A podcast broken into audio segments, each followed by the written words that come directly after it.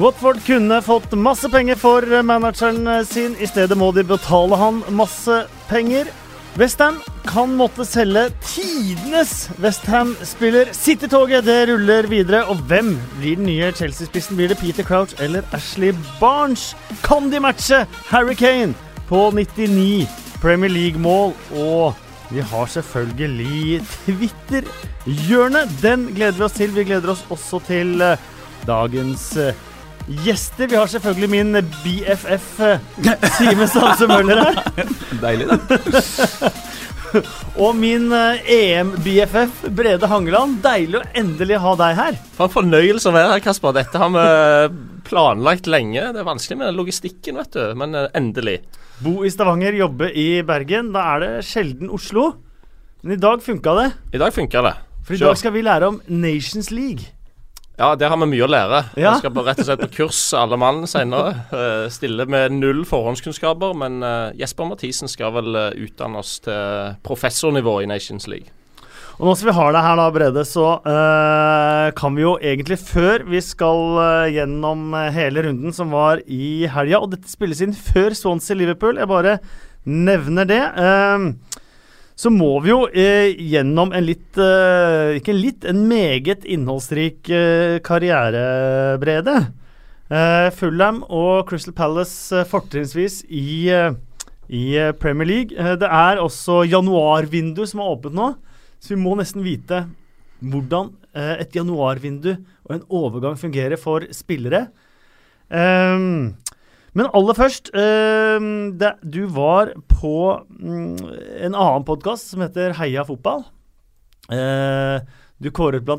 The Laziest Eleven av uh, lagkompisene dine.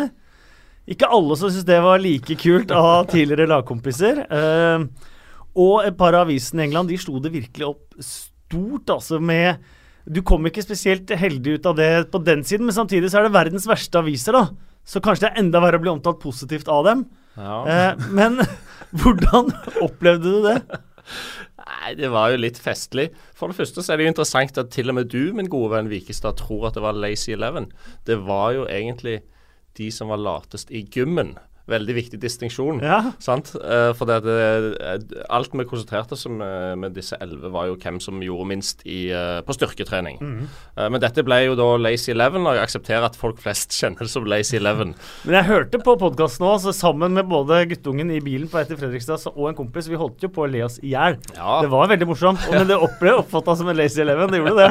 klart det ble det. Nei, dette er jo bare gøy. Det er, det er klart når du det, det interessante for meg, sånn sett fra når når du tenker på når du var inne i dette gamet, så, så er jo alt som du uttaler er jo politisk korrekt og en slags propaganda for din egen klubb og din egen karriere. Når du er ferdig, så kan du jo velge å bare fortelle det som det var. Og det gjorde jeg jo med denne Lazy Eleven. Og så var det en eller annen gjøk som da har oversatt alt fra, fra norsk til engelsk. Og så har eh, en annen gjøk i The Sun bare plukka ut akkurat det som var mest, eh, mest eh, brennbart stoff. Og så husker jeg våkna opp en fredag morgen, så hadde jeg fått en tekstmelding fra en kompis i London. Så han hadde bare tatt bilde av forsida til The Sun. da gikk pulsen litt opp, kan du si. Ja. Ja. Eh, Men er det sånn at uh, tidligere lagkompiser og sånn Wilfrid Saha, han, han ble litt lei seg? Ja, han gjorde det. Han er jo en mann som, uh, som er veldig sånn opp og ned uh, mentalt sett, kan du si. Så det var egentlig Det hadde jeg litt dårlig samvittighet for. Men samtidig så har han levert enormt godt siden denne Lazy Eleven. Ja, Så Kanskje han plutselig har Ja. tatt seg nakken? da kanskje det, jeg tar litt uh, æren for at uh, nå har han begynt å gå i gymmen, for han ser jo enda mer eksplosiv ut enn han gjorde før denne uh, forsida The Sun. Men er noen andre eh, Merker du når du er i England og sånt at det er, eh, at det er noen som skuler på deg pga. det, eller er det Ja, litt, men jeg, de fleste syns det er kult. fordi at eh, Altså, akkurat Saha har litt dårlig samvittighet for, men ellers så var det jo mye Det var jo mange av de som var lazy òg, og det må jo være lov til å si det. Uh, og jeg syns jo faktisk at når du er når du blir betalt en formue for å være Premier League-spiller, så, så er du jo forplikta til å i hvert fall stå på alt du kan på trening. Det må være minimumskravet. Så ja, jeg slår et slag for det, altså. Litt mer uh, du, må, du, må, ha litt større krav til gutta. Men For det var jo veldig Det var jo mange morsomme historier der. Det er bare én jeg vil ha en sånn drømmereprise på, og det er møtet med Adebayor i, i midtsirkelen. da spilte han for Manchester City. Nei, Tottenham. For Tottenham, og du ja. for Fulham. Ja. Ja, eh, jeg hadde spilt mot han noen ganger før, men så var han jo plutselig i Tottenham, og vi møtte Tottenham på White Hart Lane. Og vi hadde jo mye med hverandre å gjøre i den kampen, siden han var spiss og jeg var midtstopper på Fulham. Og så var Fulham i angrep, uh, og sto, jeg sto og markerte han i midtsirkelen. Og da, mine tanker da er jo liksom sånn ja, Hvis det nå kommer en klarering ned i kanalen, så må jeg være forkant. Hvis det kommer et oppspill i kroppen, så må jeg prøve å bryte foran. Men han hadde tanken helt andre steder. Uh, så han sa til meg plutselig sånn uh, ut av ingenting I'm hungry. Sånn. og det er utrolig sjelden at du snakker med spillerne under kamp. Det må være på en sånn dødballsituasjon eh, til nøds, eller hvis det er et frispark eller blir krangling og sånn. Men han sa det midt i kampens hete. I'm hungry. Og så oppfølgingsspørsmål Do you know a good restaurant in London, England? og dette var jo sånn dette var jo mot hele, min, hele mitt vesen å begynne å diskutere restaurantmarkedet midt under kampen. Uh, men han var en han ganske avslappa, lun fyr, kan du si. da. Det skal jo, hører jo med til historien at alle disse som havna på Lazy Eleven, var jo nydelige folk. Mm. De var bare litt late i gymmen. Sant? alle har jo sine sterke og svake sider. Ligner på meg. Uh, hyggelig, men ekstremt lat i gymmen. Uh, dine beste Brede Hangeland-minner, uh, Simen? Det er jo ganske sånn jevnt over så husker jeg at eh, Nå har vi blitt kompiser, men jeg husker at eh, han var en som, som, gjorde meg stolt av å være norsk. Det er liksom ikke så mange nå lenger, det, men, men virkelig sånn uh, over tid. Og så husker jeg spesielt den kampen mot Manchester United, mm. da det ble mål i begge ender. Og, og det tror jeg står igjen, det derre ansiktet til Brede etter at du hadde scora der på den corneren. Uh, det syns jeg var sterkt, faktisk. Men er det sånn at når du har driti ut den ene veien, så er det så er det mye større sjanse egentlig for at du skal score den andre veien nå, fordi at uh, huet ditt bare er så innstilt på å gjøre det rett? Ja, det er jo litt sånn. Altså, det, er, det er veldig interessant. den, Det drev jeg og forska på i mange år eh, sånn uh, personlig. Hvordan klarer du å dyrke fram den sinnssyke desperasjonen, da? Uh, for det er jo det som ofte, i hvert fall på offensiv corner, som jeg endte opp med å score på, det er jo det som gjør at du får ballen i mål. At du bare klarer å få hele livet til å dreie seg om å få den ballen inn. Eh, så, så, små er marginene på det nivået. Så klart at det, eh, hvis du hadde klart å overbevise deg selv om at du nettopp hadde skåret selvmål før alle eh, offensive cornere, så hadde jo målstatistikken blitt mye høyere. Eh, så akkurat der hjalp det meg. ja. Det var, det var en sånn helt sinnssyk opplevelse. for det var, Noen ganger kan du visualisere at nå kommer det til å bli mål. Mm. Og når den følelsen kommer, så blir det alltid mål. Merkelig nok. Det er mer mellom himmel og jord enn en tror. altså. Men du eh, skåra jo en del mål. Eh, ene sesongen var du til og med mestskårende forsvarer i eh, Premier League. Eh, andre toppskårer i Fulham. Ja, det var vel et år med seks mål der, mm. og to fra landslaget òg. Så var, da var jeg i kjempeslag. Og så ble det dårligere etterpå. Det er jo helt katastrofe. Så når du har lagt listen der, så skal det jo være sånn. Uh, sånn var det med Jon Arne Riise òg, altså. Var det det? Ja. ja. Skåra mye i starten. det, var, det var, jeg tror jo det henger sammen med Det var det året vi hadde Mark Hughes som manager. Han var utrolig sånn Han sa 'Look at you, you're so tall, you have to score more'. Så han var veldig på det hele veien. Uh, og I tillegg hadde vi noen sånn behandlere som drev gjorde sånne merkelige ting med hoftene mine, så de funka bra det året. Kan jeg spørre en ting? Du, eh, du er jo så lang på Men liker du best når cornere blir skrudd en spesiell vei? Eksempel at, eller likte det best? At den ble utoverskrudd, innoverskrudd, eller bare sånn flat? For jeg tenker Høye spillere, mm. mitt inntrykk er at de ofte ber om å få den litt sånn flatt, sånn at de kan time og, ja. og ha større sjanse for å vinne duellen. Hvis det var en, bare en vanlig heading uten motstand, så er den flate enklere. Men problemet mitt da var Ja, vel er jeg lang, men noe andre er jo sterkere og har lavere tyngdepunkt. Så hvis du får den der flate, uh, så er det veldig lett å bli dytta litt ut av uh, balanse i opphoppet. Så det beste for meg var en utoverskrudd uh, sånn midt i feltet, som, kan, uh, som alle står og ser litt hvor kommer denne til å lande. og Så kan du ta, uh, gi markøren din en liten dytt, og så gå opp ganske fritt. Hvis det er bare en sånn 50-50-ball med lite fart, så er det vanskelig å få nok trøkk på headingen. Vel er du lang. det var Klaus Lundekam òg. Klaus Lundekam var oppe på hver eneste dødball hos Southampton. Det tok en million år før han skåra det første målet. Han endte vel på to totalt. Uh, Gordon Strachan uh, uttalte vel en gang at jeg kunne liksom tatt en i hjørneflagget og bare satt inn i feltet til motstanderen. Hadde gjort like mye nytte. Så det må gjøres en jobb òg, selv om du er lang og sterk. Det må det, men det, det er jo sånn ah, Det burde skåres mer mål på hjørnespark. Uh, det, det, er den der desperasjonen, altså. Du så golden til Harry Kane i går fantastisk. Det er mm. sånn Med sånn midtstopperøyne. Det er et så nydelig mål der du ser han bare rett og slett knuse sin mann i duellen og bare gå på og stange den inn. Mm. Det er sånn uh, som får uh, gleden fram i en gammel midtstopper. Det er eh, nesten på dagen ti år siden du signerte for Fulham. masse hyllest på Twitter fra Fulham-supportere. Hvor deilig var det? Det er hyggelig. Det, er jo ikke, det har aldri vært sånn veldig viktig for meg, det greiene der. Men samtidig Det er godt å være elsket, da. Ja, i hvert fall når du er ferdig, så er det mm. godt å ha liksom OK, ja, de syns han Hangeland var en OK fyr, liksom. Det, det, er jo bra. Ja, men det var ikke det. det, det, det sto, I meldingen der sto det du var den beste spilleren i På mange beste Premier League-spilleren for Fulham. Det må være litt ekstra spesielt. Ja, noen mente det. Det er jo, det er jo hyggelig. Og ja, jeg skal, du har jo utfordra meg noen ganger på å være litt mer ærlig på det. Ja, jeg var jo god ja, i noen år der. Var du var god. helt fantastisk god. Eh, så, og så var jeg heldig å være del av et bra lag. Og så jeg det, skjønte jeg at det lønner seg å være hyggelig med folk. Mm. Uh, enten de var liksom eh, banemann eller fans eller uh, sponsorer. Det får du jo litt betalt for. det. Hvem, hvem, var den beste medspilleren din på Fulham?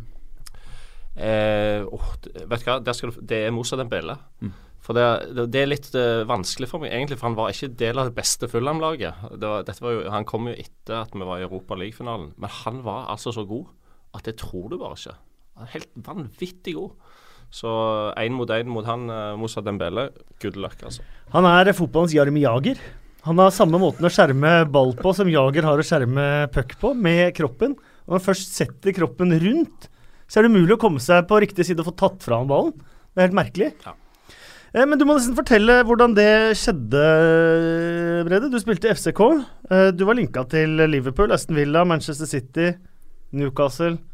Eh, det var mye fram og tilbake. Hvor mange av de klubbene var reelt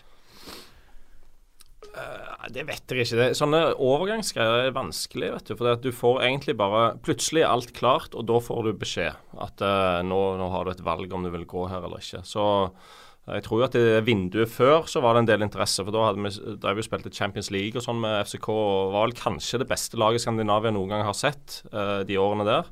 Um, og så, uh, så, plutselig i januar da, så ringte jo Roy Hodgson til meg. Og, og han hadde jo kjent, eller hatt som vikingtrener. Veldig fin mann. Men du kunne jo lese tabellen, og det så jo ut som krise for Fulham, som hadde 18 poeng seint i januar. Men da var det litt sånn Når du har levd et, et helt liv som ung fotballspiller med en drøm om å komme til Premier League, så kan du ikke si nei, vet du. Tenk, tenk, om du hadde sagt nei, og så hadde det vært den gangen toget sto der. Du må gå på toget, sant. så sånn, sånn, ble det. Veldig spesiell opplevelse. for Jeg gikk jo fra en klubb som, som dominerte enormt. Vi sto med forsvarsfireren på midtstreken, og det var sigarer og le og le og le nede i parken. Og så kom Diskutere rett... Københavns restaurantliv. Ja, sant. Det kunne du fint gjøre. For det var god tid til det i de kampene. Og så plutselig med en backfirer inni egen femmeter uh, fra, fra starten med Fullem, da. Så det var en overgang, men samtidig fantastisk. Debuterte bort mot Bolton på en tirsdag kveld mot Kevin Davis. Da skjønner du at du har kommet Velkommen. Ja. men du endte opp med champagne etter matchen, da? Ja, det tror jeg var mer fordi at det, det var så ræva kamp at uh, la oss ta han nye. men likevel. Ja, det var gøy. Uh, og så vant vi mot uh, Aston Villa den neste, mot Big John Carew. Spilte der.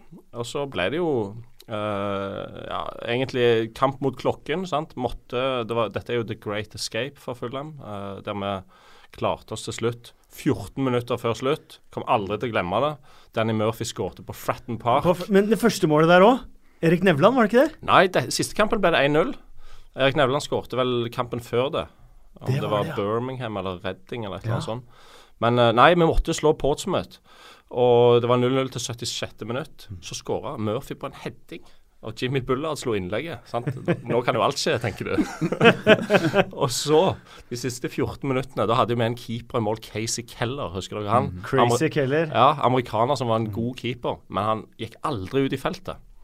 Så Portsmouth hadde ingenting å spille for, men de drev og sendte bekkene inn i vårt felt og bare møla inn lange baller. Sant? Og han ene var han Herman Reidarsson, islendingen. Doktor Nerik. Fryktelig. Doktor Nerik, ja. Så skjedde det rett før slutt. Så kom det en lang ball inn. Krise. det er jo, Alarmen går hele veien i Forsvaret. Så kom Casey Keller ut og tok den. hadde, hadde ikke skjedd hele året at han kom ut og tok en ball.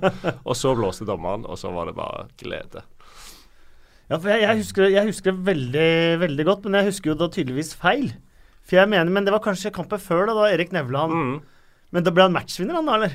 Ja, jeg tror vi vant 2-0-kampen før. Ja. Uh, måtte vinne den òg, mm. selvfølgelig. Uh, men Erik Nevland var jo en utrolig viktig mann for mm. Fulham uh, denne sesongen der, og påfølgende år òg. Det kan du snakke om en spiller som leverte på maks av sitt potensial. imponerende.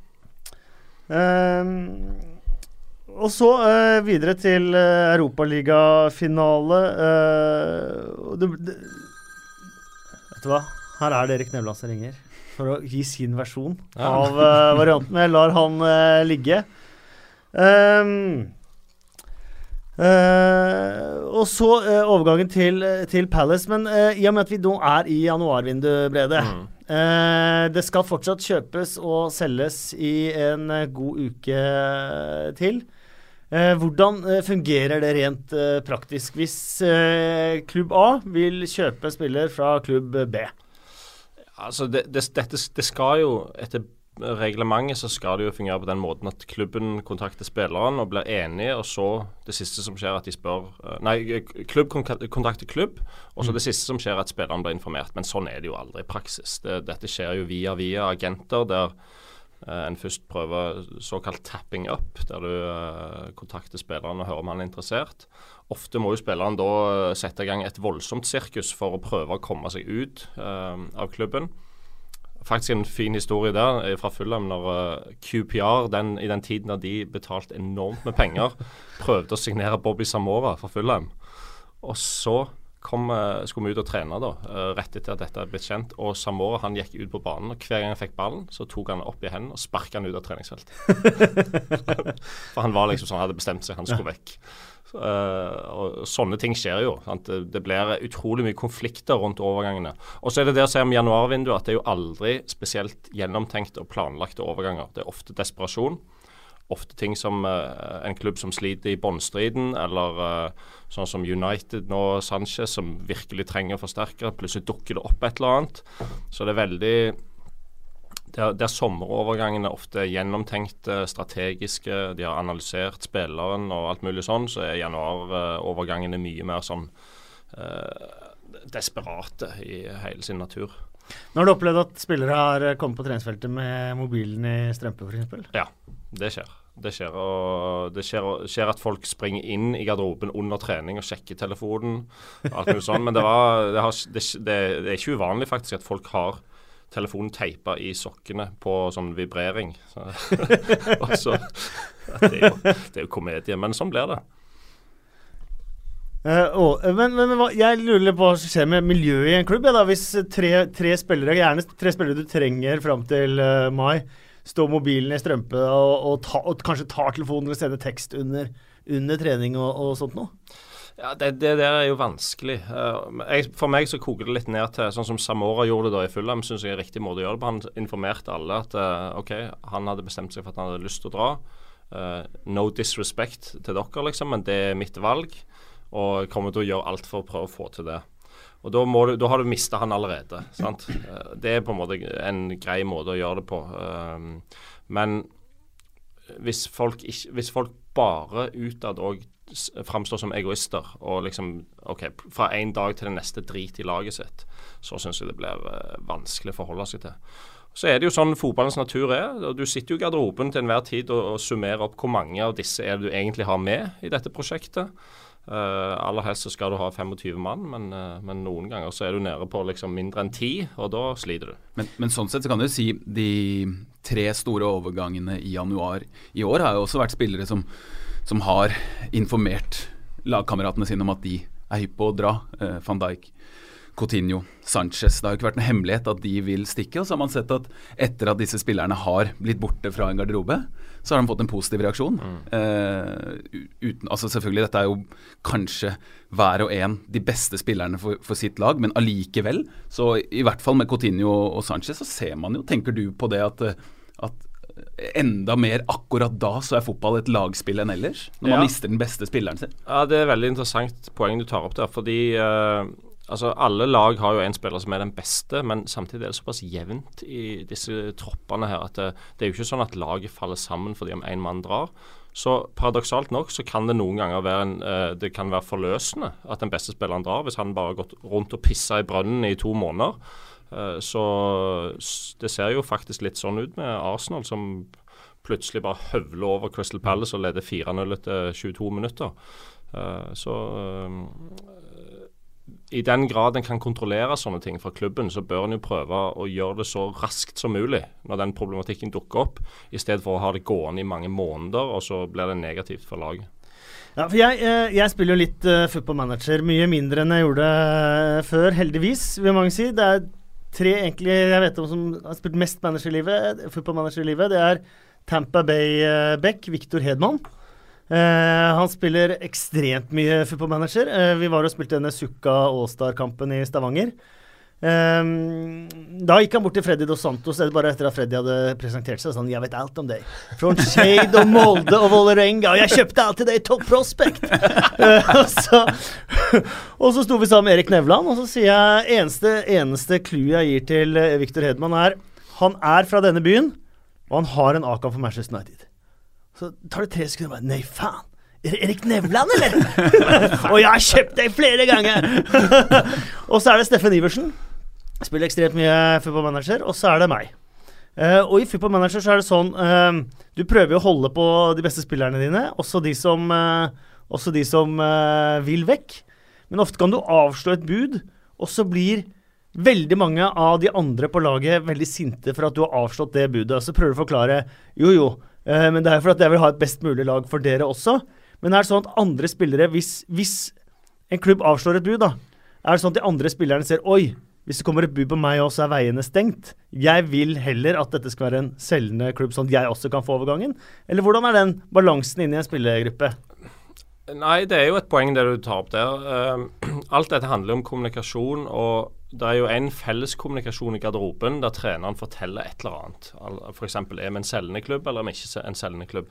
Men så har du jo òg uh, møte på managerkontoret, som er hellig. Det er jo bare mellom den enkeltspilleren og manageren. og Der kan det jo ha blitt lovt både det ene og det andre. Og Det er jo ofte, um, ofte en kilde til konflikt hvis du har blitt fortalt et eller annet. F.eks.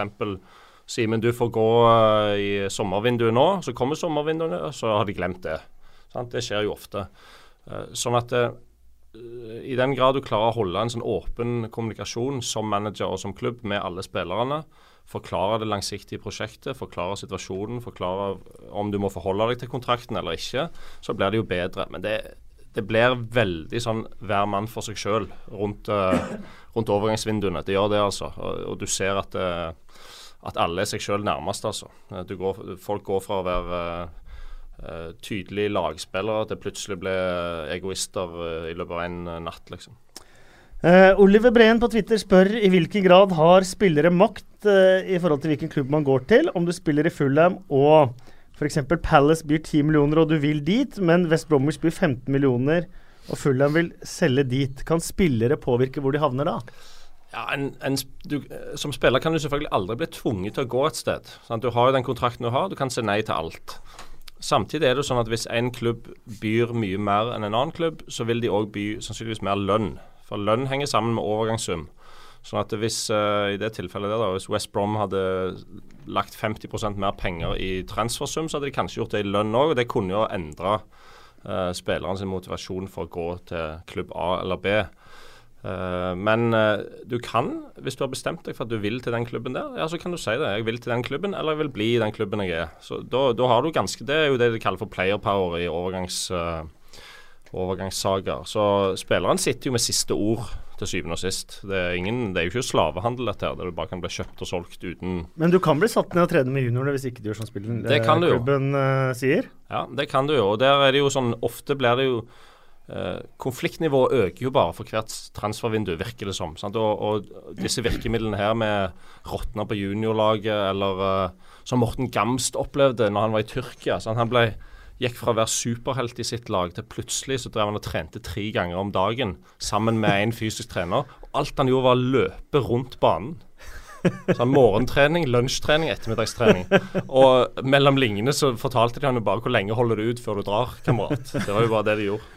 Det, det, en ting jeg syns er ganske interessant nå, er at det er ganske mange store spillere som lar kontrakten sin gå ut. Sånn f.eks. nå så kunne jo sånn jeg ser det, både Sanchez, Özil, Emre Can, han uh, Goretzka som er i Schalke, som skal til Bayern Disse spillerne kan jo, og vil jo også sikkert mer og mer, jo flere penger det blir i fotball, vente til kontrakten sin går ut for å få en helt sinnssyk sign-on-fee. For du veit jo hva det er, Kasper, som har spilt fotballmanager. Det betyr jo at når man skriver en ny si det smarte det var store overganger, men, Nei, men nå, nå, Da pleier jeg å våkne jeg, fra drømmene mine.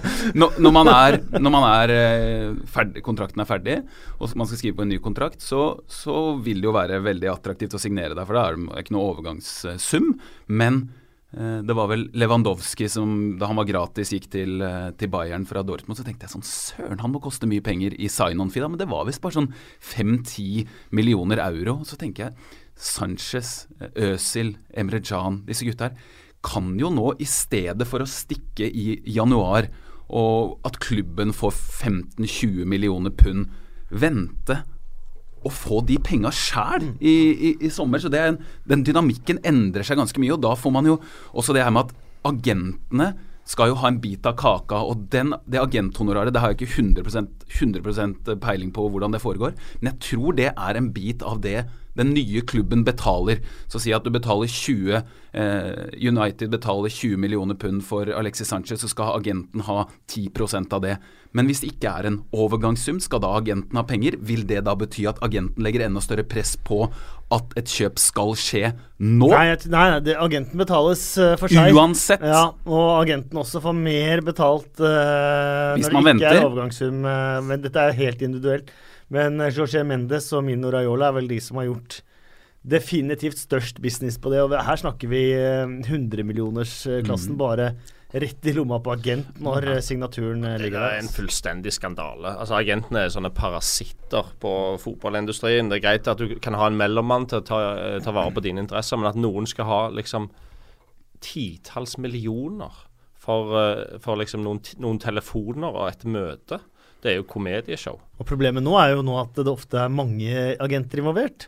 At det er eh, agenter involvert på alle sidene av bordet, og alle skal ha sin del av kaka, og alle sitter etterpå. Enten må alle betales, eller så må alle krangle om hvor stor del av kaka hver agent skal, skal ha. Det er, en, det er en jungel, men det der slapp du, for du, du var ganske lugn i forhold til det bruk av agenter, var det ikke det? Jo, men du må, du må ha en agent, for det er liksom uh, etablert praksis. Men, men uh, jeg mener at alle, eller veldig mange gjør en feil, da. Nå, da tenker jo alle ut fra sitt hode, jeg tenker ut fra mitt. Men alle gjør den feilen, mange gjør den feilen i toppfotballen at de bare går etter pengene.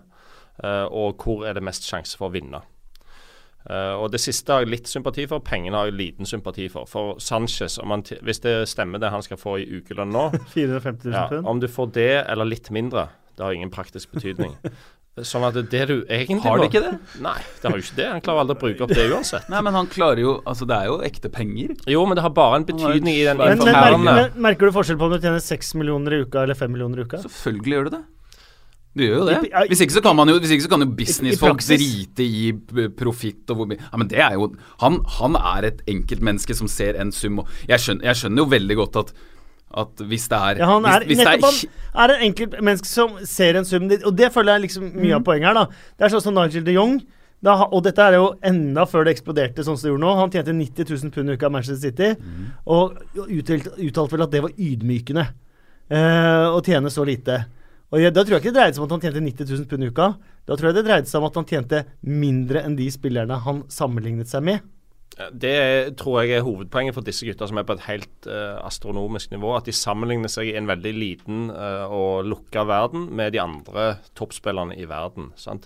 Så der kan du jo stille spørsmål hvis, hvis, det stemmer at Sanchez kommer inn og tjener dobbelt så mye som andre i United, så vil jo de få problemer med det. Og så har du det gående. Sant? Da blir Raiola ja, Da blir eh, det blir sånn bankemerke i døra til Mourinho på treningsfeltet, og telefonen går varm fra agenter. Så det er et problem.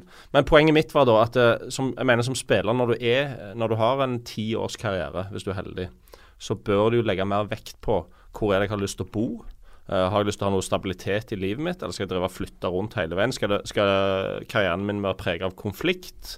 Uh, eller skal det være vennskap og gode relasjoner med lagkamerater og folk i klubben? Uh, hvilken klubb har jeg lyst til å spille for? Hvor har jeg lyst til å bo? Det der er fullstendig undervurdert, og virker som mange ikke tenker på det i det hele tatt. Uh, vil du bo i London, som jeg mener er klart bedre enn noen andre steder i, uh, i England? Uh, så Sanchez for eksempel, han kan fort sitte oppi der i Manchester og telle penger på nettbanken og så lengte tilbake til at det faktisk var ganske deilig å bo i London. Det er Angel, en helt aktuell problem. Angel Di Maria opplevde vel litt det, og da fikk innbrudd hjemme hos seg også, så ble det til slutt ulevelig. Og så er det, så er det bare ett element til som jeg syns er litt viktig. Yaya Touré f.eks. Da han signerte for Manchester City, så sa han eh, det vil være eh, et hån mot eh, der jeg, altså, hjemstedet mitt, hjemlandet mitt, og ikke takke ja til disse pengene. Og han har jo tjent best av alle før, i hvert fall før. ja, han var Premier Leagues beste betalte spiller en periode. Men han har tjent tre millioner hva blir det da? Tre millioner i uka på ikke gjøre noen ting! På møte opp på trening! Det er da mye verre enn at Manchester United betaler si det dobbelte for en game changer. En spiller som kan gjøre at de kan ta igjen Manchester City. Bortsett fra sist gang Manchester City vant ligaen, så var han eh, lagets beste spiller. da. Det er helt riktig. Ja, ja men det, det, stemmer jo. Ja. Men nå, så, som, nå, sånn, som det ser ut Ja, men ting forandrer seg hele tida. Så er det nye TV-avtaler. Bla, bla, bla. Jeg, jeg syns jo det er eh, litt interessant å spørre deg om også. Etter forrige TV-avtale så skrev vel du under for Crystal Palace. Mm uten å gå for mye inn på det, merka du da en sånn boost i, uh, i lønninger og alt sånt? Nei, ikke, ikke for meg, for det, det var tvert imot. Det var, 'Dette får du, gutt'. Eh, da var jeg jo egentlig på nedadgående. Men uh, ja, det, du merker jo at uh, det, det, skjer et hopp i lønningene når, hver gang det kommer en ny TV-avtale. og i Palace kom jo Johan Kabay inn og sprengte hierarkiet der, og nå har den karusellen begynt å gå der òg.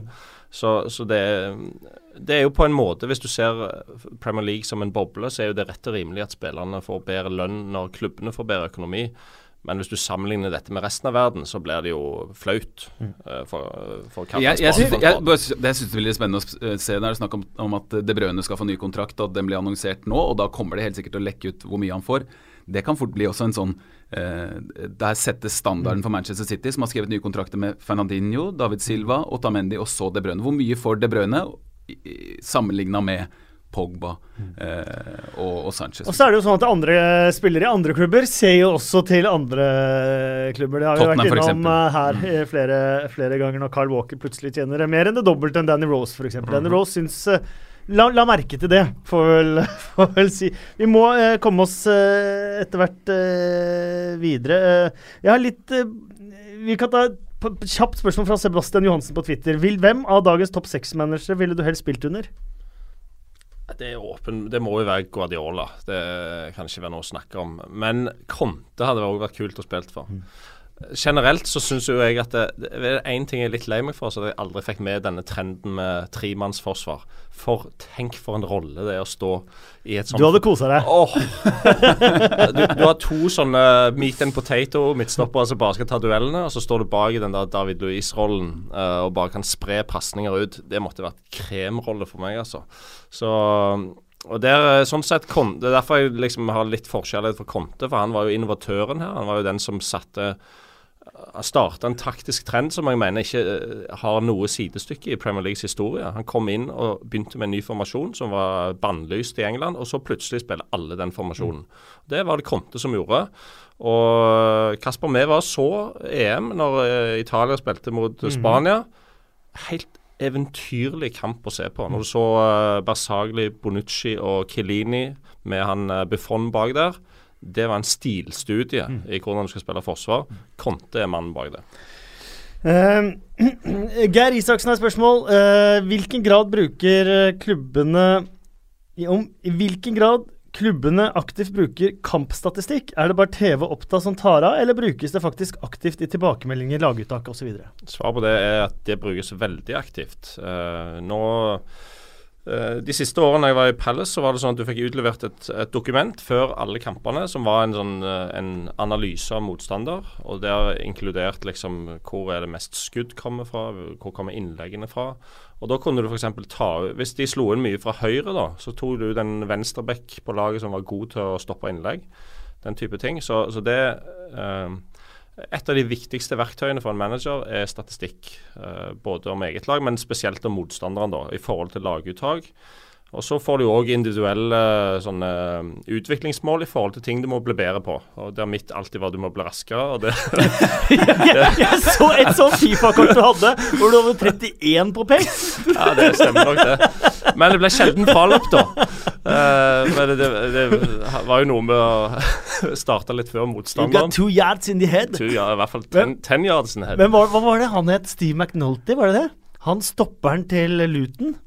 Uh, jeg foreslår hvis Jeg lurer på om det var Steve McNulty han het. Uh, du kan gå inn og google, google han. Uh, han Jeg har lagt meg en del i det siste. Jeg er fortsatt tynn i forhold til Steve McNulty, som fortsatt da spilte ligafotball. Og vår reporter Mathias Skarpaas var jo og lagde reportasje på han. Og han skjønte med en gang hva denne reportasjen kom til å handle om. Og man bare hører at nå er Mathias Skarpaas eh, nervøs for å stille flere spørsmål. Steve McNulty ble ordentlig irritert.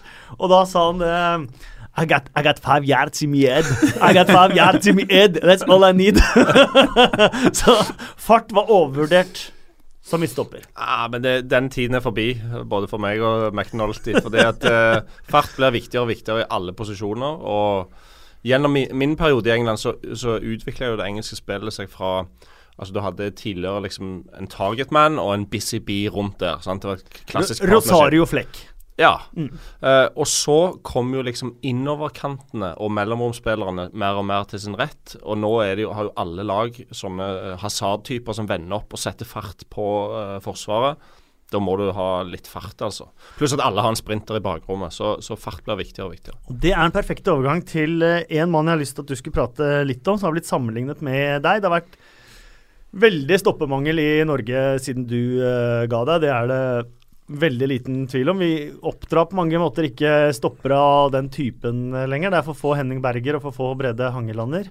Men en som har blitt sammenlignet med deg, og som er i ferd med å stjele de store overskriftene i Skottland, Kristoffer Ayer. Mm. Eh, noen ord om han?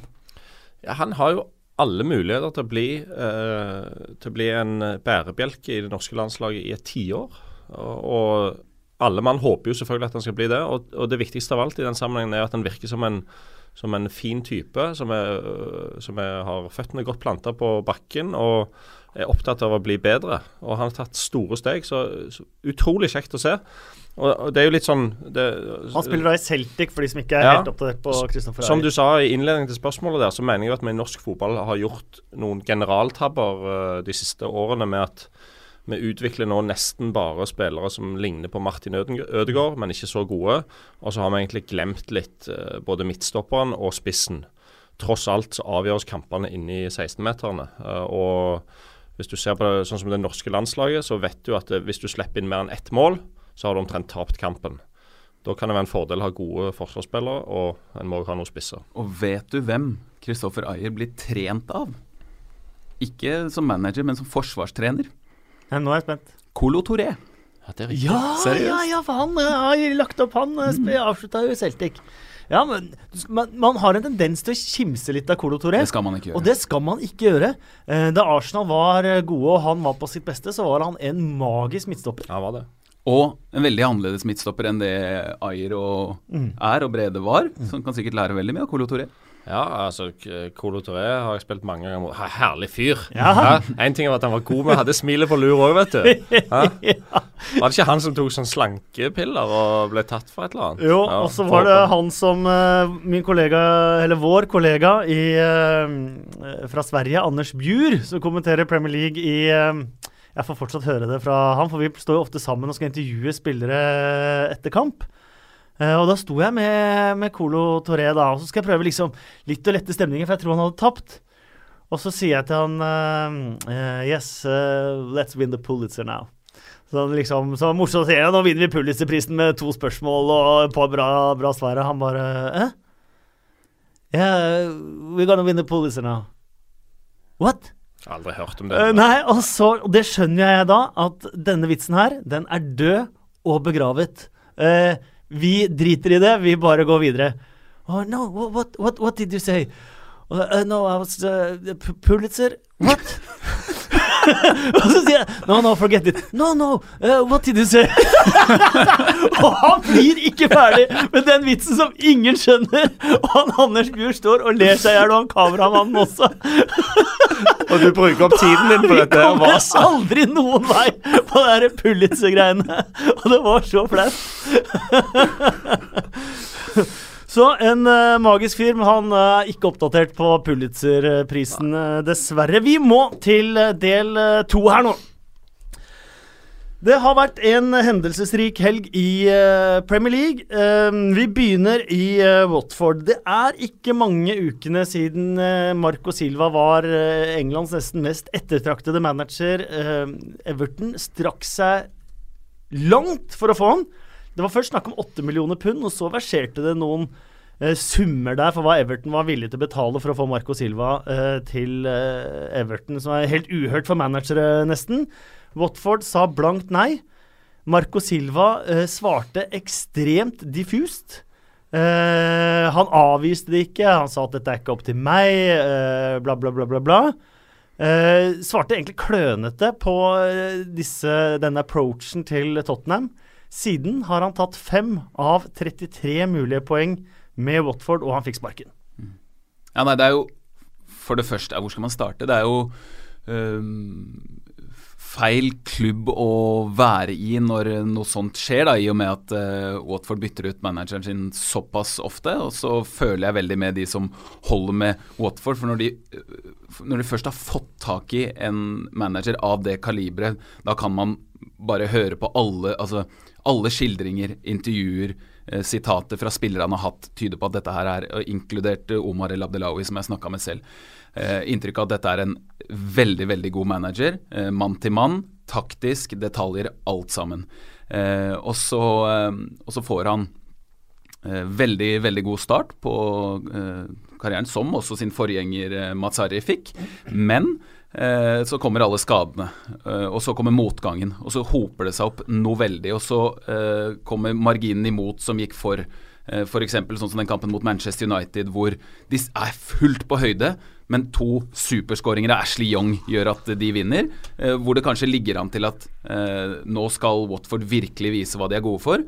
Så går det gærent der, og så kommer hele den Everton-sagaen, hvor han på en måte feller seg selv litt. Eh, fordi når man bygger opp en tillit til, eh, til spillere, når man eh, selger inn budskapet sitt såpass til eiere, til fans og til spillerne sine, for så å da bli tydeligvis gira på å forsvinne såpass kjapt, da blir han sin egen verste fiende på veldig mange måter. Eh, og, og, da forstår man jo faktisk, uansett om Watford er en sånn klubb som skifter manager hele tida eller ikke, at de føler seg eh, litt rann uh, tråkka på eller brukt. Selv om sånn har sikkert managere følt seg for Watford før, men akkurat i dette tilfellet så tror jeg klubbledelsen der tenker eh, at det er de som er sjefene. Eh, og hvis resultatene hadde kommet, eller fortsatt å komme da, så hadde det ikke vært noe snakk om. Men plutselig så, så får de en grunn til å gi ham fyken, og da har på en måte både Marco Silva og Watford malt seg litt opp i et hjørne, så kommer de ikke noen vei. Eh, jeg ble sjokkert da jeg så nyheten, og man ser jo åssen eh, Richard Lisson reagerer på Twitter. Harry Maguire ja, vi, til og med reagerer på Twitter. Den må vi se for at uh, Richard Lisson, Watfords største mm. stjerne denne sesongen, han tok et sintefjes-emoji. Mm.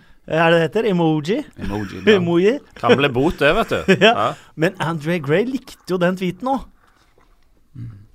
Men hvor Jeg, jeg tenker ofte hvor um, trenerstyrte, spillerstyrte, eier-, direktørstyrte er klubber. Uh, Watford er helt åpenbart veldig eierstyrt. da. Uh, Troy Dini, f.eks., som har vært litt uh, ut og inn av laget, mye ut av uh, laget. Hvor mye har han å si Eh, snakker de med han overhodet? Har du vært borti trenersparkinger, og siden du har vært kaptein, har de snakka med deg først? Ingenting. I Fulham var det veldig lang avstand mellom, mellom spillerne og, og styreformann, eiere. Palace var det nærmere. Der var det sånn at uh, han uh, Parish snakka litt med noen spillere når, når, det begynte å gå dårlig for, uh, for en trener, f.eks. Og jeg fikk inntrykk av at det var litt sånn at men, en stilte men, spørsmål, men, som en burde gjøre. Ja, men, en burde jo spørre bærebjelken i laget. Med De Boer så var det vel også de snakka sammen. Ja, det virker sånn. og Det er måten å gjøre det på. Jeg syns det er naturlig. Hvis du, hvis du var styreformann, så burde du ha et godt forhold til, til, de viktigste spillerne på laget. For det er de som har uh, kjenner dette på pulsen. Uh, men når det gjelder Silva, så føler jo jeg at han Vi snakket litt om den desperasjonen som en uh, opplever som spiller. Hvis du vil hvis du vil vekk. Jeg, jeg, har inntrykk av at han har brent broene her i et forsøk på å komme seg til Everton.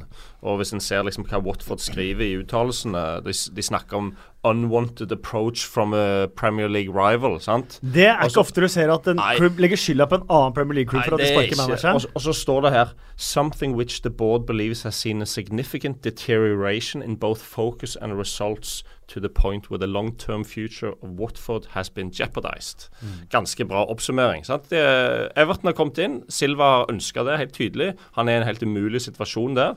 Men han har sannsynligvis signalisert veldig tydelig uh, internt i klubben at han ønsker dette. Det gikk ikke. Og da blir han litt sur, og, og, den harmonien som har vært i klubben, den forsvinner litt. Og så kommer resultatene som de gjorde, og til slutt så må de gjøre det de har gjort. Så her sitter Silva litt med svarteper, da, men uh, han har vel vist nok til å plutselig ha jobb igjen. Å ta ja, ja, ja, men det er ikke, det er ikke, det er ikke den verste tiden å være uh, Marco Silva på, for da, nå er det jo utskiftinger hele tiden. Enten Southampton eller Everton til sommeren. Ja. Everton er lei av Big Sam. I Championship. Ja. uh, og så er det jo Watford, da. Watford de er ekstremt rutinerte på sparkemanagere. Det gjør de hele tiden. Uh, og det er for så vidt en businessmodell som er vanskelig å ta dem på, for de har jo lyktes ganske bra.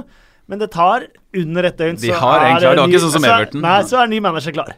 Ja, det er jo er super, det er superspennende hvordan sånne ting fungerer. Tenk å sitte inne i HQ-kontrollrommet til Watford der og OK, vi sparker han. Sende ut noen uh, team rundt i Europa. La oss finne nestemann. Og så sparker de, og så ansetter de omtrent. Det er, det er bra PR. Godt styrt.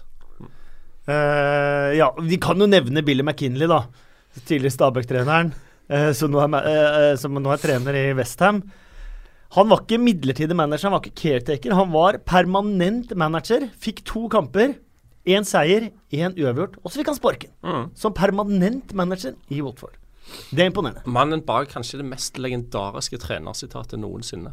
For han var uh, first team coach i Fulham under Martin Joll. Mm -hmm. Veldig frustrert, for han var helt uenig med Joll i alt.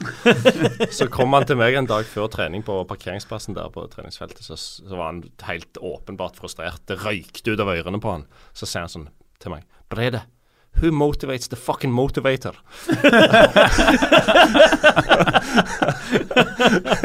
ganske, ganske, filosofisk smart. Altså, for Hans jobb var å motivere oss, men, men hvem skulle motivere han? Uh, nå har han jobben som motivator i uh, Westham. Uh, vi må bare, vi bare gå rett på Everton, vi, da. Uh, for Everton, der kom siste seier 18 desember.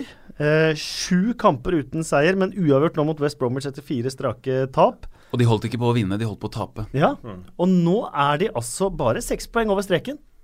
Kan de tulle seg ned dit igjen? Nå er effekten borte, da. Og eh, Big Sam begynner Han er jo veldig ærlig. Uh, ofte, nesten alltid i hans karriere, så har det gagna han. Han har uh, lykkes med å være tydelig, ærlig, uh, fått de spillerne han ville, og fått de til å funke i sitt system. Men nå begynner han jo å, å bli litt sånn holdt på å si, vingle litt. da, Si sånn at uh, Sigurdsson og Rooney kan ikke spille samtidig, f.eks. Da har jeg et problem. Sier det så, så, ærlig som det. Og det, sånne ting tror jeg, tror jeg sprer seg mer enn man, uh, man kanskje tenker. Det, da, det hører spillerne, det snakker spillerne om. Og uh, Theo Walcott løser ikke alt. Cenk Taasen løser ikke alt. fortsatt så ser de veldig dårlig ut offensivt, spør du meg. Det er, et, det er, et, grunnspill som ikke sitter i det hele tatt, og med seks poeng. Med så mange jevne lag, da. Mm -hmm så kan de absolutt uh, være ett av lagene. Nå tror ikke jeg Everton kommer til å rykke ned mye pga. Goodison Park, pga. størrelsen av klubben, litt pga. Big Sam også. Uh, Rooney, sånne figurer som jeg tror fikser det in the end. Men uh, det, er ikke, det, er ikke, given at de er, at de er i Premier League neste sesong. Jeg tror de klarer seg, fordi at Big Sam han er jo kjent for å være en sånn fyr som bare altså, skviser ut det som trengs for å få nok poeng. Men han er på ingen måte rett trener, uh, rett manager for Everton på lang sikt. For dette er jo en klubb som skal være nummer syv i Premier League. Og det blir de aldri med han, altså. For han er bare en fyr som overlever.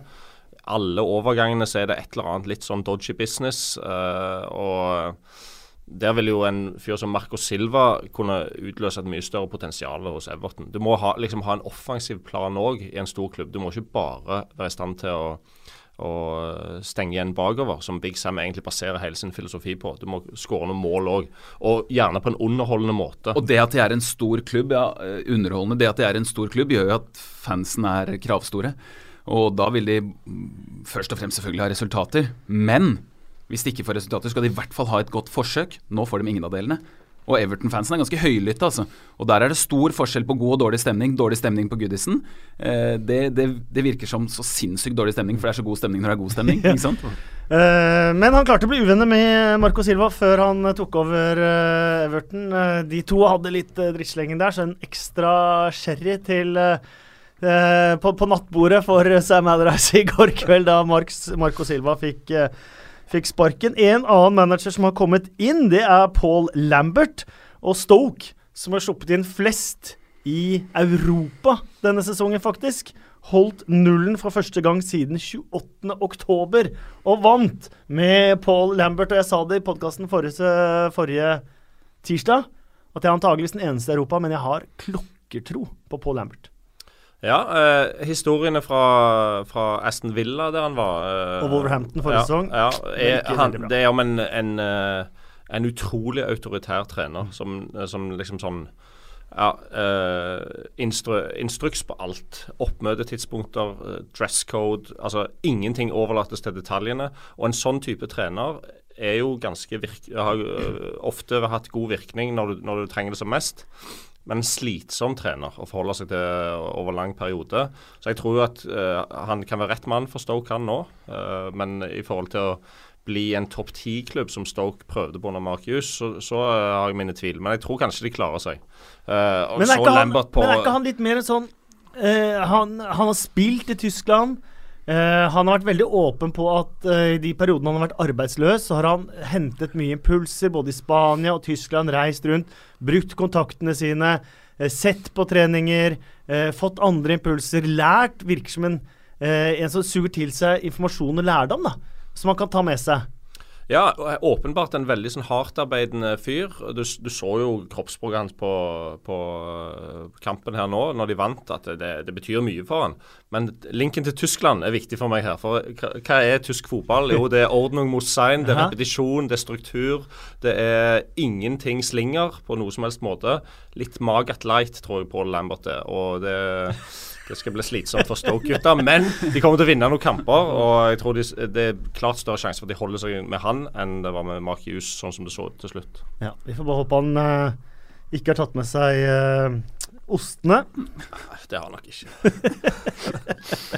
Nei, han, han, gjorde en veldig god jobb i Colchester, gjorde en fantastisk jobb i Norwich. Uh, Aston Villa hadde han jo veldig, veldig vanskelige arbeidsforhold. Uh, og hvis man ser hva som skjedde etter Lambert, så viser det seg kanskje at han ikke gjorde det så aller verst likevel. Skuffa i Wolverhampton forrige sesong. Uh, da Stoke ansatte han, så dro de fram at en av hans største uh, Hva heter det prestasjoner i managerkarrieren var at han holdt Aston Villa oppe. Jeg vet ikke om det var et stikk til Aston Villa, eller hva det var. Startet med uh, seier. Um, en lag som også vant, som vi var inne på så vidt. Uh, Arsenal uh, 4-0. 4-1. Ja, 4-0 etter veldig kort tid. Ja. Ble 4-1 til slutt. Så ut som de bare storkoste seg uten Alexis Sanchez. For en fotball.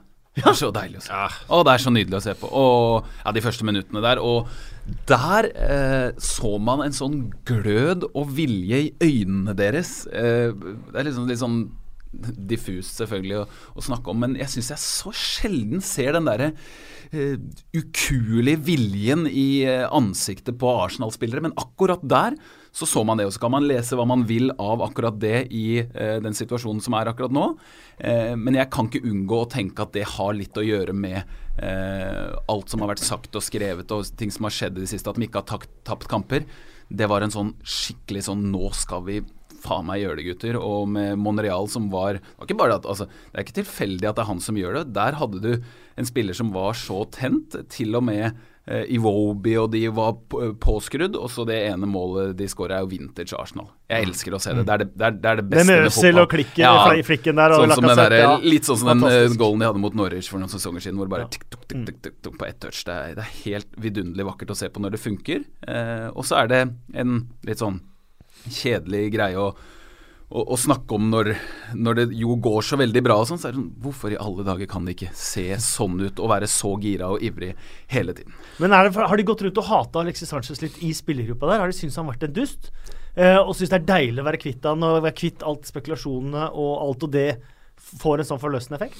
Ja, det har jo ikke jeg svaret på, men jeg mener generelt at vi, vi, legger for lite vekt på akkurat det som Simen snakker om her. For du kan ofte lese mye ut fra kroppsspråk og ansiktsuttrykk på, på spillere, uh, hvor de er henne mentalt. Og hele oppgaven til en manager det er jo å sende elleve mann på banen fullada av energi og motivasjon. Klarer du det, så vinner du. Eh, så jevnt er det i Premier League. Og så er det noen ganger på 90% andre ganger på 95 Arsenal for meg så ut som det var på 100% Og det er helt åpenbart at det henger sammen med, med dette som har vært en verkebyll. Sannsynligvis uh, litt på banen, men mest i garderoben og på treningsfeltet. Og så Wenger har sannsynligvis ikke trengt å si noe annet enn OK, nå har han reist. Folk har vist meg uh, om, det var, om, det var, dette som var problemet. Så tenker alle i sitt stille sinn ja, dette var problemet. Og så går de ut, spiller med frihet, spiller med klikk-klakk og alt mulig. Og Monreal de, Det var en fin cornervariant Arsenal hadde i går, der de hadde isolerte Monreal med James MacArthur, min gamle venn fra Palace. Og han uh, lå på gresset to ganger og hadde mista Monreal.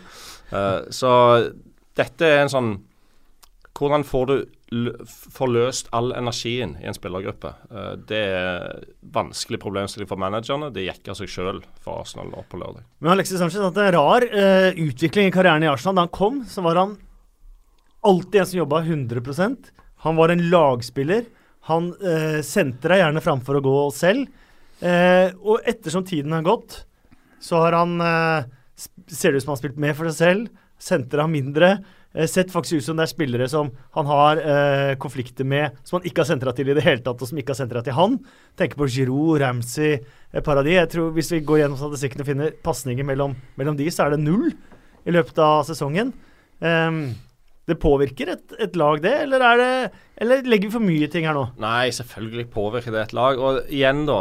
Jeg tenker på disse tingene. Det er så slitsom måte å leve på. Altså, som, som Sanchez, da. Hvis du vil til United eller City eller hvor du nå vil.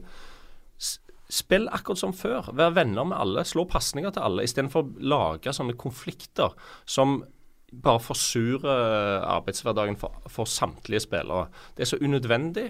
og Altfor mange spillere holder på med dette. er i konstante konfliktsituasjoner på vei til neste sted, på vei til neste sted. Istedenfor å liksom OK, når du er der, der, du er, så gjør du en maks jobb for laget ditt, og du forholder deg til alle.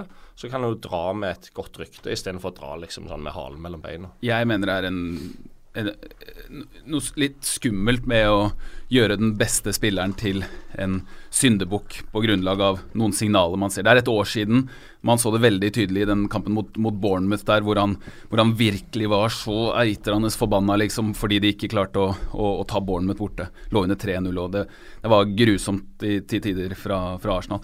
Og så viser jo både tallene og, spør du meg, også ikke, ikke sånn totalt sett kanskje, eh, med, med, bildene også, men tallene viser at han skaper like mange sjanser. Han skyter like mye på Mauls. Han er like villig som, som han har vært hele tiden, men det har ikke funka eh, helt. Og så er det ingen andre som har tatt det ansvaret som, som hvis, hvis, det ikke funker 100% for han, hvem, hvem andre er det til å, til, å, til å, ta det ansvaret? Det blir veldig spennende å se med, med Liverpool og Coutinho hvis Riyad Mahrez forsvinner fra Leicester. sånne ting. Hvem er det som tar det ansvaret da? Eh, det er grunnen til at jeg sier at det er skummelt å gjøre stjernespilleren til syndebukk. Eh, det, det er, no, det er en som må overta den taktpinnen fra Alexis Sanchez nå. Det funka mot Crystal Palace, men på sikt så er jeg veldig spent på å se om Øzil klarer det. Han kan ikke gjøre det helt aleine, han. Det har han vist før. Han kan ikke gjøre det helt aleine. Eh, Alexis Sanchez har vært Arsenals beste spiller de fire siste sesongene. Eh, Tre-fire siste sesongene. Og det er noen som må ta over for han. Eh, så den kampen mot Crystal Palace borte. Da var han så god! Han beina ned, løp. Han var mest borti ballen av alle, til tross for at han er angrepsspiller. Det er veldig sjelden. Over 100 ganger på 90 minutter toucha han ballen. Hadde målgivende, hadde scoring, gikk på løp. Eh, hjemme og takla ved cornerflagget. Så jeg, jeg, tror jo ikke at han har vært et så stort problem som mange Arsenal-supportere innbiller seg, da. Kan, kanskje det, sånn psykisk, ok, men, ja, men i det store og hele. Da betyr det at dette kanskje er en perfekt overgang for Arsenal, men ikke minst en perfekt overgang for Manchester United. Ja, Det korte svaret på det er jo ja. Sanchez er jo en klassespiller. Uh, og hvis det er én ting United mangler, sånn som jeg ser det nå, så er det liksom den der uh, stabile X-faktoren. Evnen til å åpne opp et forsvar, gjøre noe helt spektakulært på egen hånd. Uh, så der har Mourinho altså Glem uh, hvor mye det koster, alt dette her. Det, ikke, det, har ikke Mourinho brukt en kalori på. Han tenker bare på å samle elleve best mulige spillere på det laget for Champions League. For uh, kanskje, hvis City snubler og gjør noe i år, men i hvert fall for neste år. Så for United er det en meget god signering. Tenk å kunne få en sånn spiller i januar. Men hva med da um, Rashford, Martial, Mata, Lingard? Hvem skal ut?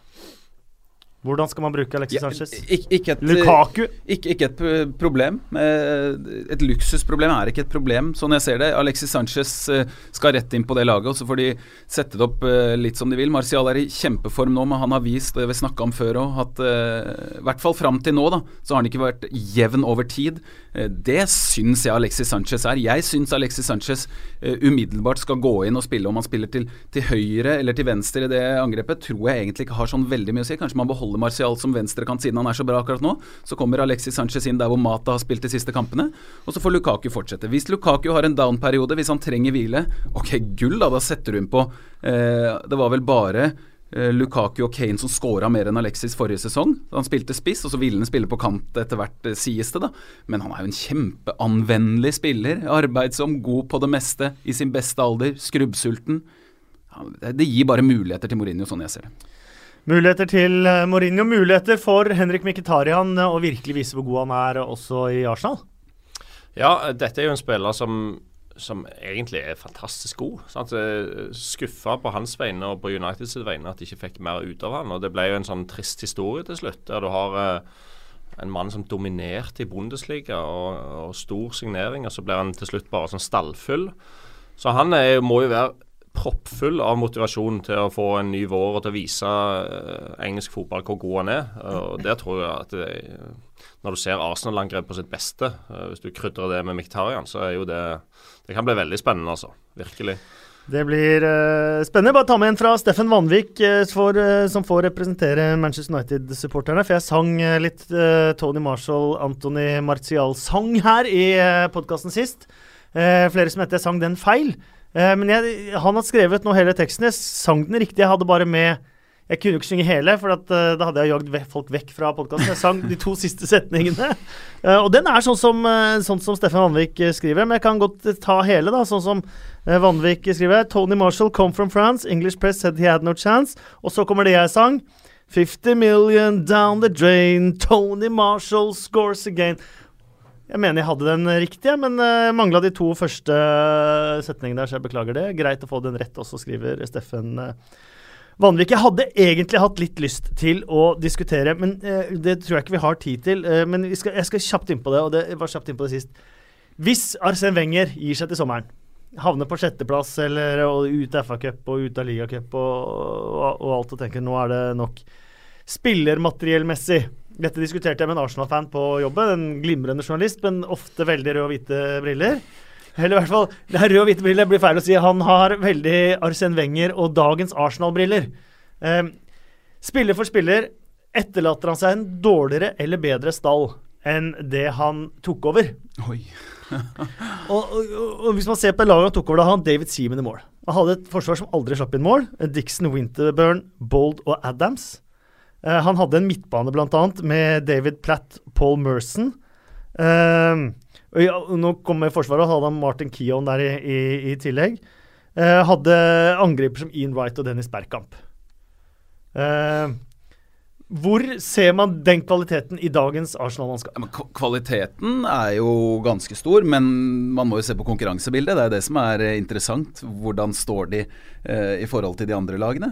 Sammenligner man, så, så kan man jo si at Arsenal var, eh, var en bedre posisjon da enn det de er nå. Eh, spør du meg, og eh, når man har en så innmari innplentra filosofi som det Wenger har også, eh, når han har kjøpt spillere, henta spillere etter det han ser for seg er perfekt til å løse som fotball som han spiller, og den er ganske, den er ganske unik. da, sånn, sånn Venge. det, det er veldig få managere som er så innmari romantiske til en type offensiv fotball som funker veldig bra, sånn som vi så nå, men, men så, så faller det jo så veldig. Spillerne eh, har jo vist det, de som er der nå, at de, de, de klapper jo sammen, ikke sant? Kollektivt klapper jo sammen. Så eh, en ny manager å komme inn eh, der nå har jo en vanskeligere jobb enn det eh, altså Wenger hadde en vanskelig jobb, respekt for det, kom inn som ny uh, utenlandsk manager, en pioner og alt det der, men en vanskeligere jobb med å vinne enn det Wenger hadde. Uh, Manchester City. Aguero med nytt uh, hat trick eh, mot eh, Newcastle skårer han eh, alltid. Sinchenko. Eh, Bra! Ja! Mm, Snakka godt, snakka godt engelsk òg, i intervjuene etterpå. Jo, han det? Ja, ordentlig godt engelsk. Hyll, hyll. Ja. Eh, og David Silva, som har vunnet sine 23 siste kamper. Det har aldri skjedd før. Eh, det er rekord fra engelsk rekord fra 1888. Vil dere vite hvem som hadde rekorden i antall eh, strake seire? Ja. Phil Neville. Er det sant? ja. Phil Neville. Han vant 20 strake med Manchester United. Um, men Aguero må vi To ord om Aguero. Aguero, ja, for en spiller. Um, han er eh, en av, de, en av de beste jeg noen gang har spilt mot. Uh, og sånn Alle vet hva han gjør. Han eksploderer når han kommer i nærheten av målet, men allikevel klarer du ikke å stoppe han.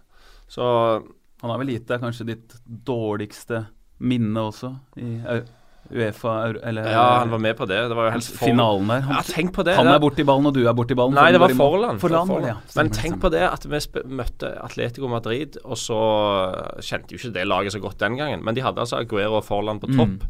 Og Dette var i 2010, og den sommeren ble Forland toppskårer i VM, og Aguero gikk til Manchester City. Så de var OK. Men eh, nei, han er, er stum av beundring for den spilleren der. Én ting er å være så god som han er. Det er mange som er gode på sitt beste, men det å levere eh, jevnt og trutt over mange år, klare å stå i det, eh, ikke miste motivasjonen, alltid være på jakt etter å bli bedre, det står det respekt av. Vi fortsetter på spisser. Chicharito skåra igjen, endelig. Eh, 64 sekunder etter at de hadde blitt eh, liggende under, så dukka den lille erten opp. Eh, Da han ble signert til Westham, sa David Sullivan, altså en av klubbeierne i Westham, The most proven goalscorer signed in my time. Og han sa også Could be the best player ever to join the club. Da har du ikke peiling på fotball. Nei, Vi snakker om en klubb som har hatt Trevor Brooking og Bobby Moore, bare for å nevne noen eh, opp igjennom. Men nå er han eh, litt up for grabs for salg, rett og slett. Det er ikke usannsynlig at han forsvinner i løpet av neste uke.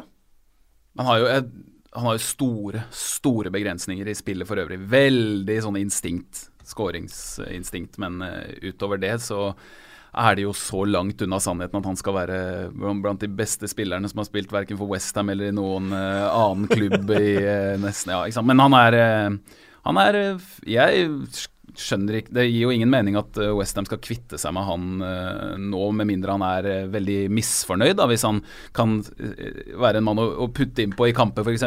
Perfekt. Det må jo være noe Moyes har kommet opp med det i tilfelle at han ikke passer sånn inn. Chicharito er jo en mann som alltid bare Han skårer kun innenfor 16-meter, og skårer nesten alltid bare når det har skjedd en stor forsvarsfeil. Så hvis du har kontroll på backfireren, og liksom alt er som det skal være, så er han ufarlig. Faktisk. Jeg var faktisk på Shrewsbury mot uh, Westham. Uh, vi satt på rad tre, ganske nære benkene. Det var ganske interessant å se. Moyes uh, mikrocoacher uh, Chicharito uh, veldig mye. Chicha, chicha, chicha! Jeg er ikke din! Chicha, chicha, chicha! Hele tida. Og det var liksom Hvis uh, Chicharito da nærmet seg der hvor Moyes var, så ble han vinka bort. Skulle bort mot boksen. Chicha, chicha, yeah, yeah, go in there, chicha. Ja, det er jo logisk. Få han inn i boksen. sant? Coaching i verdensklasse. Ja, det er coaching. Eh, vi fortsetter på spisser for Chelsea. De er på spissjakt. Det starta med Andy Carroll i avisene, så fortsatte med Peter Crouch. Det må jo være et av de fineste ryktene noensinne. Og nå Ashley Barnes fra Burnley. Hvor mye hold kan det være i noen av de ryktene? Er det noen som sitter og finner på, eller? Det er tydeligvis at de er ute etter én type, da, og så sitter kanskje noen journalister og legger sammen to og to og får fem. Men nå er det jo Cheko uh, som mm, Ja. sannsynligvis ender opp med å bli Men det er mye morsommere om det er Crouch. Ja, og det er nesten så det frister til å tenke at her ligger det en sånn eh, smart PR-strategi fra Chelsea bak. Fordi at eh, hvis de ville hatt Carroll, så hadde de tatt han. Hvis de ville hatt Crouch, hadde de tatt han. Men det, de legger opp til at det her har de mange å velge mellom. Og så er det noen dager igjen nå, og så er det Cheko. Da er kanskje litt sånn Hvis du har mange i hatten der, så velger vi han, så blir kanskje prisen litt lavere. Men det at de skal ha en targetman, det har de fått litt kritikk for. for jeg ser Guardian skriver i dag at uh, det er mindre innlegg i Premier League nå enn det var før. Det, det er ikke så viktig som det var i engelsk fotball. Men Chelsea slår mye innlegg. Uh, nå har jeg ikke helt oppdatert, men for noen uker siden slo Chelsea mest innlegg. Og det å ha en stor, sterk targetman og ha en annen uh, plan, uh, i hvert fall mot slutten av kampene, hvis uh, motstanderen ligger lavt og sånn, det syns jeg høres smart ut. Og Con- Conte er jo sånn veldig pragmatisk og det er grunnen til at han signerte Zappacosta, som slo omtrent flest innlegg i, eh, per kamp i, i, Serie A. Uh, Aspilicueta, som har den innleggs... Søren, så presis! Han treffer nesten hver gang. Men uh, også uh, Juventus har hatt en eh, sånn ekstrem tilførsel av spisser. Både da Conte var der, men ellers også. At det var aldri noe, aldri noe problem i hvert fall å stable noen gode spisser på, på beina. Og det var gjerne spisser som kom fra mindre klubber. Borriello, Matri, Quagliarella. Sånne gode eh, gode spisser, ikke noe spektakulært, men gode spisser fra de andre lagene. De, Juventus har til og med henta sånn Bentner og sånn. Men ikke sant, det var sånn De skulle i hvert fall ha mange spisser, så jeg tror det derre at han har hatt valgmuligheter før. Det har ikke vært stått på det. Conte gjør at han blir innmari frustrert, for Batshuayi er ikke mannen han vil ha. Han spilte Han gjorde mye bra i den kampen sist. bra. Ja, og han har gjort mye bra også, men han er tydeligvis ikke en mann som, som Conte vil ha. Og det er pga. spillestil. Det er pga. Uh, manglende X-faktor på de tingene som Conte vil ha. Peter Clark sin far har sesongkort på Stamford Bridge. Det gjør det jo bare enda finere. Peter Crouch til- Kings Road. Han elsker Kings Road, vet du. Ja. Men uh, det, som er, det som er litt kult, så hvis du går inn i Conte sitt hode, da, så er jo han eh, De beste lagene har jo nå et grunnspill som gjør at du kommer ganske enkelt fram til motstanderens siste tredjedel. Uh, eller egentlig helt fram til boksen. Så er jo det vanskeligste av alt i fotball er jo å bryte ned motstanderen når det blir sånn håndballforsvar. Nei, I disse tider så er jo det en fin metafor. Håndballforsvar der alle står rundt egen 16-meter. Da må du ha ekstremt gode relasjonelle ferdigheter for å, for å bryte igjennom. Eller så kan du bare ha en som er bedre på innlegg. Og så kan du bare slå masse innlegg, og så andre baller, headinger alt mulig. Det er, jeg ser ikke vekk fra om det er Conte sitt neste trekk i den taktiske kampen med de andre managerne. Ja, Sett opp en mann på to meter der inne. Han får eh, ti innlegg eh, de siste ti minuttene. Good luck with that, liksom. Eh, Edin Dzeko skåra i hvert fall et par fantastiske mål på Stamford Bridge i eh, Champions League denne sesongen, så han eh, eh, har allerede vist seg for eh, Chelsea-fansen der. Bare å få fortsette på spisser. da. Harry Kane skåret sitt 99. Premier League-mål i sin 139. Premier League-kamp. Eh, klarer han 100, så har han klart eh, 100 Premier League-mål på færre kamper enn Aguero, Thierry Ari, Robbie Fowler. Eh, Alan Shearer brukte bare 124 kamper på, på 100 Premier League-mål. Eh, Dixie Dean brukte bare 105 kamper på 100 mål. Uh, og Jimmy Greaves Jeg bare gikk gjennom et par sånne gode målskårere. Brukte 133 kamper. Men uh, for et forbanna fenomen han er, altså. Mm. Ja, han er det. Han er jo den uh, beste avslutteren i ligaen, definitivt. Og denne sesongen i Europa, og det begrunner jeg med at han er så innmari god på de forskjellige teknikkene. Nå skårer han på huet, men Høyre, vært inne på- ja, venstre, høyre, venstre, poaching, innsiden, utsiden. utsiden. Innsiden med venstre syns jeg er det mest spesielle. Ja. Det, det nevnte han selv også, det målet han har mot Huddersfield borte. Dem hardt med innsiden i krysset med venstrefoten. Og chip med venstre, og det er ikke måte på. Uh, komplett avslutningsregister. En utrolig bra spiller, men eh, dessverre, igjen så må man jo begynne å klage litt når man tenker uh, så, så er de for eh, avhengige av han, og bare han for ofte. Ja, men det er jo Jeg er jo enig i alt du sa der, Simen. Men det som imponerer meg mest med Harry Kane Hvis du ser Vi snakket litt om kroppsspråk og at det lyser ut av øynene på folk. Det gjør det på han alltid. Og så er det den evnen til å komme seg i avslutningsposisjon, som jo blir vanskeligere og vanskeligere år for år. Per definisjon i Premier League. Det blir kortere avstand eh, mellom lagdelene. Det blir eh, sterkere og sterkere forsvarsspillere. Det er individuelt bedre. Det å få det halvsekundet som du må ha for å avslutte, det krever altså en egen ferdighet, og der er han eksepsjonell. Helt eksepsjonell. Og, og hvis du går inn i hans mentalitet, så, så, så er det jo en sånn fyr som, som har definisjonen av toppidrettsskalle. sant? Han bare vil videre, bli bedre og bedre og bedre. Én ting er å sette sjansene når du, når du får de, men å komme i den posisjonen når alle vet at det er Harry Kane, når alle midtstopperne har fått utdelt et kompendium før kampen Stopp Harry Kane, så har vi en sjanse. Det å allikevel skåre de målene, det er godt, det. Det er uh, fantastisk. Ehm, vi begynner det Vi skal ha eh, selvfølgelig delt både blomster og kaktuser og sånt. Jeg håper dere har eh, vridd hodene deres litt på det. Vi skal ha et par fun facts fra Bill Edgar. Twitter-hjørnet gjenstår også. Ehm, jeg har bare ha to ord om Newcastle og Mike Ashley har lagt eh, oppkjøpet død og begravet. Uh, Amanda Stavely skjønner ikke helt eh, hvorfor, for hun mener hun fortsatt har eh, pengene til å kjøpe Newcastle. Supporterne de blir mer og mer frustrerte, mens Rafa Benitez expects new signings før deadline day. Ja, det er en uke igjen. Eh, for en berg-og-dal-bane det må være for Newcastle-fansen. Man føler jo sånn med dem når de får eh, håpet der, for håpet er jo selvfølgelig at uh, Mike Ashley skal forsvinne, fordi det fins ikke noen ambisjoner uh, i det hele tatt. og alle har hatt lyst til Det hadde jo gagna alle om de hadde klart å, å få til en ordning der og få Stavely eller hvem det måtte være inn så fort som mulig. Eh, men nå ser det ut til at de får eller han for tredje gang mislykkes med å selge klubben, og at det kan bety det tredje nedrykket, blir det vel, i, i hans tid. Eh, det ser jo stygt ut, virkelig. De, eh, de har eh, en av de tre dårligste stallene, sånn, sånn jeg ser det. Og det er bare Hvis det blir som det blir, så er det bare Benitez som, som kan redde dem. Mm. Jeg er enig i det. Det er jo det, det framstår som et høyt spill, dette her, eh, på eiernivå. Sant? Der uh, Ashley ser ut som en fyr som bare har, har en investering som han driver og forvalter. Sånn null følelser for hva dette egentlig betyr for, for byen og folkene i Newcastle. Han skal bare ha mest mulig penger ut av det. Han vet at en Premier League-klubb er verdt mye mer enn en championship-klubb. Og så eh, tikker klokka mot uh, transfer deadline day. Hvem skal signere disse spillerne? Er det han, eller er det en ny eier? Det er jo spørsmålet, men at de må ha noen, det er i hvert fall åpenbart. Så hvis det ikke blir salg av klubben, så må jo han være smart nok til, eh, om ikke for fansen og Benitez, så for å beskytte sin egen investering, så må han signere noen. Så tenk, tenk på det, vi, eller mange, sitter og kritiserer eh, en, en fotballspiller, en, eh, som Alexis Sanchez, for å ville ha litt ekstra penger. Se åssen Mike Ashley holder på, liksom. Eh, da er vi kommet til eh, blomster og kaktuser. Det var moro å se på. Morata var kjempegod. Hva i all verden? Er. Han snakka ikke om seg sjæl, han snakka om dommeren. Rundens eh, blomsterbukett. Er det noen som har eh, noen fine roser å dele ut?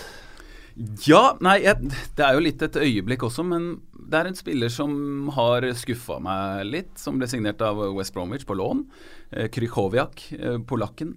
Den målgivende pasningen han slår til Jay Rodriguez. Det er så høyt nivå, det er så deilig å se på. Så han får en stor blomsterbukett. Det er ingenting som er så fint som en skikkelig fin målgivende pasning, og den der var fra øverste, øverste hylle. Altså. Det er bra, Simen. Jeg har ikke tenkt nok på det, merker jeg. Men eh, jeg er frista til å dele ut en kaktus til Eller er det bare blomster nå? Nei, nå er det blomster. Først vi må bli enige om blomstene. Da skal vi bare gi de til Krikoviak. Fryktelig vanskelig. Deilig. Ja. Ja. ja, Kan det være mer blomster? Nei da, da vi gir én blomst hver gang. Men hvis du har en kandidat som bør ha blomster, så skal vi, eh, skal vi tenke på det òg. Mm. Ta kaktusen først, da. Ja, ta kaktusen. Kan jeg gjøre det? Vi kan ta kaktusen. Ja, den gir jeg til Silva. Marco Silva. Fordi uh, her har du en trener som Skal få sparken og så ta med seg kaktus og sette Ja, liksom i tomme ja. hybelen. Ja, men altså, det er, det er tvilsomt om han Om han kjenner veldig på det om han får kaktus av oss. Men uh, jeg syns han har spilt kortene sine dårlig her, altså. Ja. Jeg må si det. Uh, hvis du går noen måneder tilbake, så er han altså the up and coming Premier League-manager. Eh, og så må han gå med halen mellom beina ut av Watford. Sannsynligvis får han seg en ny jobb, men hans eh, navn og rykte det er utrolig mye dårligere nå enn det var i oktober måned. Definitivt kaktus, da, til uh, Marco Silva. Ukjent helt deler vi ut alltid ut det som ikke får de største overskriftene. Der er jeg en kandidat. Eh, Jacob Murphy. Eh, fra London, med foreldrene fra nordøst. Vokste opp med Newcastle-drakter under uh, juletreet. Eh, ikke nødvendigvis gått den lange veien, men spilt i championship, vært på utlån eh, i Coventry. Eh, hadde fantastisk sesong i championship forrige sesong, og så får han sitt første Newcastle-mål. Tenk deg det, da. Når du har sittet med Newcastle-drakter siden du var tre år gammel. Fantastisk. Veldig fint. Veldig fint mål òg. Og Ja. må, måten å skåre på Manchester City Var ikke det definisjonen av hvordan du skal skåre på Mm. Manchester City? Litt klikk-klakk på midten, og så bare bang! Rett gjennom på kant. Og så en som bare har tima det eh, til perfeksjon. Og så har vi sett prikk likt mål tidligere denne sesongen fra en prikk lik spiller. Tvillingbroren hans skåra på nøyakt, nøyaktig, samme chip. Ja, borte mot Arsenal. På ja. Emirates så kom han gjennom, keeper kommer ut Ja, stemmer det, ligacupen. Ja, nøyaktig samme chipen fra tvillingbror Josh. så det ligger i familien. Eh, rundens øyeblikk. Skal vi ta øyeblikket som ikke ble, eller? Han uh, Southampton, uh, Obafemi, Ja! får den sjansen. Det hadde vært litt år et øyeblikk. Født i sommeren år 2000. Altså. Han er til og med ung for deg, han. Ja, veldig. Ja. Jeg spilte mot en som var født i 2000. Da bare så jeg det rundt meg. Hæ, 2000? Det stemmer ikke. Det husker jeg så utrolig godt. Nei, det, Det er en det kunne sønn vært som noe. ikke er født så veldig mye etter 2000. Men eh, vi snakket jo om skåringen skåring til Arsenal. Hvis en skal snakke om øyeblikk, så må en Ja. snakke om det ene Chelsea-målet òg, altså.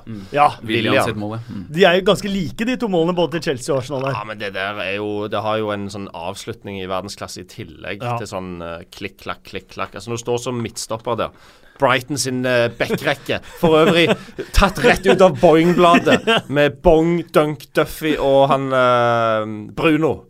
Uh, de bare sto som sånne Hva kan du gjøre i forsvar mot et sånt angrep som det? Du må nesten bare stå og applaudere.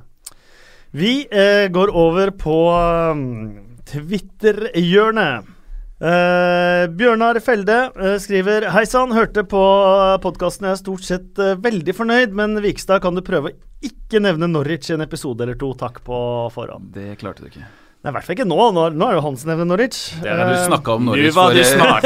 ett minutt. Nå var du jævlig smart.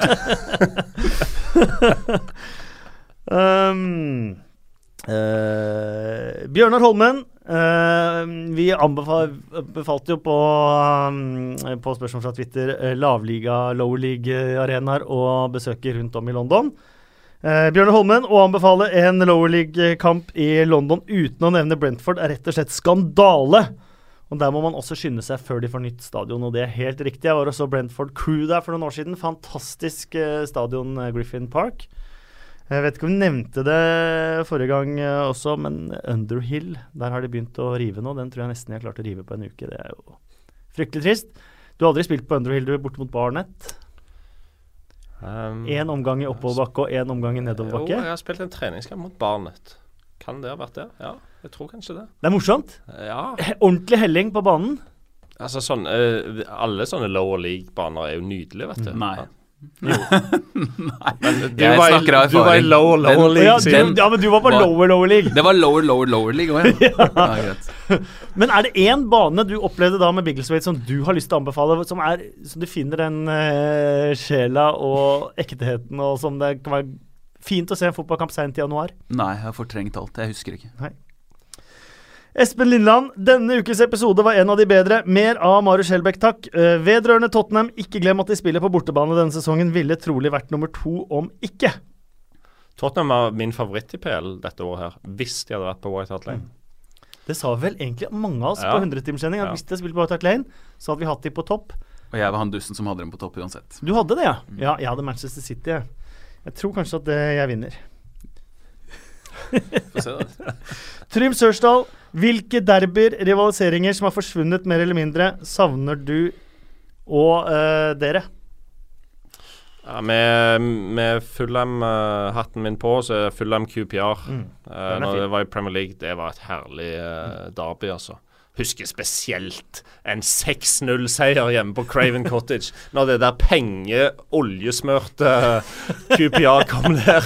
Alle gutta. En av de hadde mer enn eh, alle oss i lønn i ukelønn, og så ble det bare 6-0. Bang, bang, bang, bang. bang, Var det da. Samora som skåra? Samora Andy Johnson var Ja. on fire. Mm. Ja. Andy Johnson. En høne å plukke med Andy Johnson. Har du kontakt med ham fortsatt? ja. For en skuespiller. Filming. Og han filma og filma og filma. Og filma Og så med den derre uten hår og engelske navn og engelske utseendet sitt, så kom han unna med det òg. 04-05-sesongen med Crystal Palace. Jeg tror han filma seg til 12 eller 13 straffespark. Og litt Jamie Vardy-ish. Veldig Jamie Vardy-ish. frekvens, Ja. og så gikk det litt fort. Men det var jo deilig å stå bak den han fikk de straffesparkene. Eh, Mello spør på Twitter Kommer ned med snø på er et herlig og beskrivende uttrykk, syns jeg. Eh, hva er deres favorittuttrykk? Hva, hvilket fa uttrykk bruker du litt for mye når du kommenterer, uh, Simen? Åh, det er utrolig vanskelig å si, altså. Det uh, ja, Jeg fikk jo et uttrykk som jeg har brukt, tror jeg, bare én gang, men det, det hørte jeg først av kollega og kompis Endre Olav Osnes, og det er når man er iskald. Så jeg tror det er noe som stammer fra, mm, fra amerikansk idrett. Cold as a backside of a pillow. Det syns jeg er bra. Den brukte du i Ja, i Europaligafinalen! Europaligafinalen. ja, det husker den jeg er, faktisk. den er egentlig Endre Olav Osnes sin, men da tenkte jeg nå, nå tar jeg den, for han var jo så kald der. Nå er jeg på den store scenen! ja, ikke sant? Så den, eh, den knabba jeg. Men eh, ja, det for eksempel noe sånt. Den er fin. Ja. Jeg kom på noe når du sa 'kom ned med snø på', for det er en engelsk eh, tilsvarende som, som Hodgson brukte. Det handler om når du skal slå en sånn lang ball inn i boksen, og den skal komme ned med snø på. Uh, poenget med det er jo at det, det, det er vel er det vanskelig å heade en ball som kommer med snø på for angripende lag, men det er òg vanskelig for forsvarende lag å få nok uh, trykk i klareringen. Så det blir alltid andreballspill ut av sånne eh, innlegg som det. Og da bruker du eh, uttrykket 'hoist it into the box'. Hoist. Ja, altså det, det er ikke noe snakk om noe sånn haltliggende vristspark. Hoist it like a five iron. Altså golf. Når du Ja, ja. bare liksom Og den skal komme ned så sakte som mulig, sånn at det bare blir sånn kjøtt og potetduell i Jeg, feltet. jeg liker et uttrykk til som um, Hva er det da? Second touch is a tackle. Når en forsvarsspiller får et Gjerne en forsvarsspiller, da, ofte en forsvarsspiller, en midtstopper, får et for langt første touch, så må han strekke seg og takle. Litt sånn som Gary Cahill gjorde da han sånn ble som utvist i eh, første da Brede serierunde. Hangeland fikk sitt røde kort mot Sunderland. Nei, det? det var han der uh, grekeren sitt feil. Hva heter han grekeren der? Han der uh, han med- Kyriakos? Nei, han Nei, Nei, han nei. Karagonis! Karagonis, ja. Åh, som var strålende spiller. Ja. Sant, EM-mester for Hellas kom til oss, var oh, veldig på hell, og så slår spiller, han en sånn pasning. Det var, jeg hadde ikke noe touchscene. Han slår en altfor kort tilbakepasning, så får jeg rødt kort. Krise. Um, Lars Audun Bråten, uh, hvor nære var det å signere for Arsenal, er ikke sånn veldig nære, men eh, min forståelse av den historien der var at eh, alle klubber har jo sånne lister. Så du skal ha en midtstopper, sette opp en liste. Fem-seks navn. Og der var jeg nummer to. Og Fermalen var nummer én. Og de signerte Fermalen. Så hvis han ikke hadde, hadde vært der, så kanskje det hadde blitt det. Rikard Mathisen, fantastisk podkast. Alltid et av ukas høydepunkter når ny podkast legges ut. Tusen takk, eh, Rikard. Eh, vi skal ha fem spørsmål. Uh, her må vi ha korte og konsise svar, uh, gutter.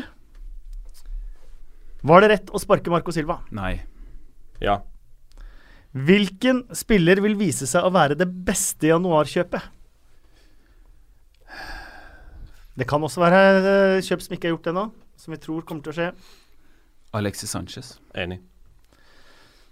Hvem er det mest sannsynlig at er i Chelsea neste sesong? Azar eller Conte? Conte. Azar. Hvem ville du helst hatt som manager i din favorittklubb? Guardiola, Conte, Klopp, Mourinho eller Pochettino? Eller Wenger, men Pochettino. Guardiola. Og så har dette spilt inn på mandag formiddag. Så det er før Swansea-Liverpool. Så enten så kan du få et resultattips, eller så får vi se hvor mye feil vi tar. Hva blir resultatet mellom Swansea og Liverpool? 1-4. Eh, 4-0 til Liverpool. Da har vi fun facts med Bill Edgar.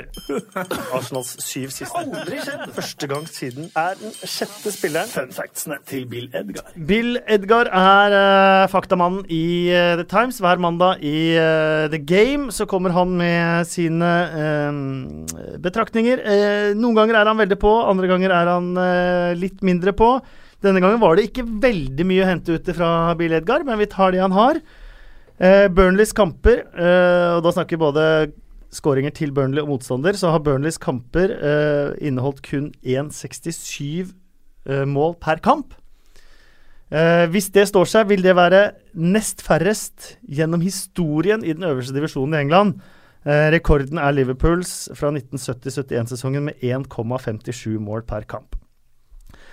Sergio Aguero er den første til å skåre åtte mål på to strake hjemmekamper mot samme motstander i den øverste divisjonen siden Gordon Turner gjorde det for Luton mot Sunderland i 1956 og 1958. Han skåra fire mål i begge, ikke fem og tre. Um, tre walisiske klubber, Swansea, Cardiff og Newport, er i FA-cupens fjerde runde for første gang siden 1998-99-sesongen.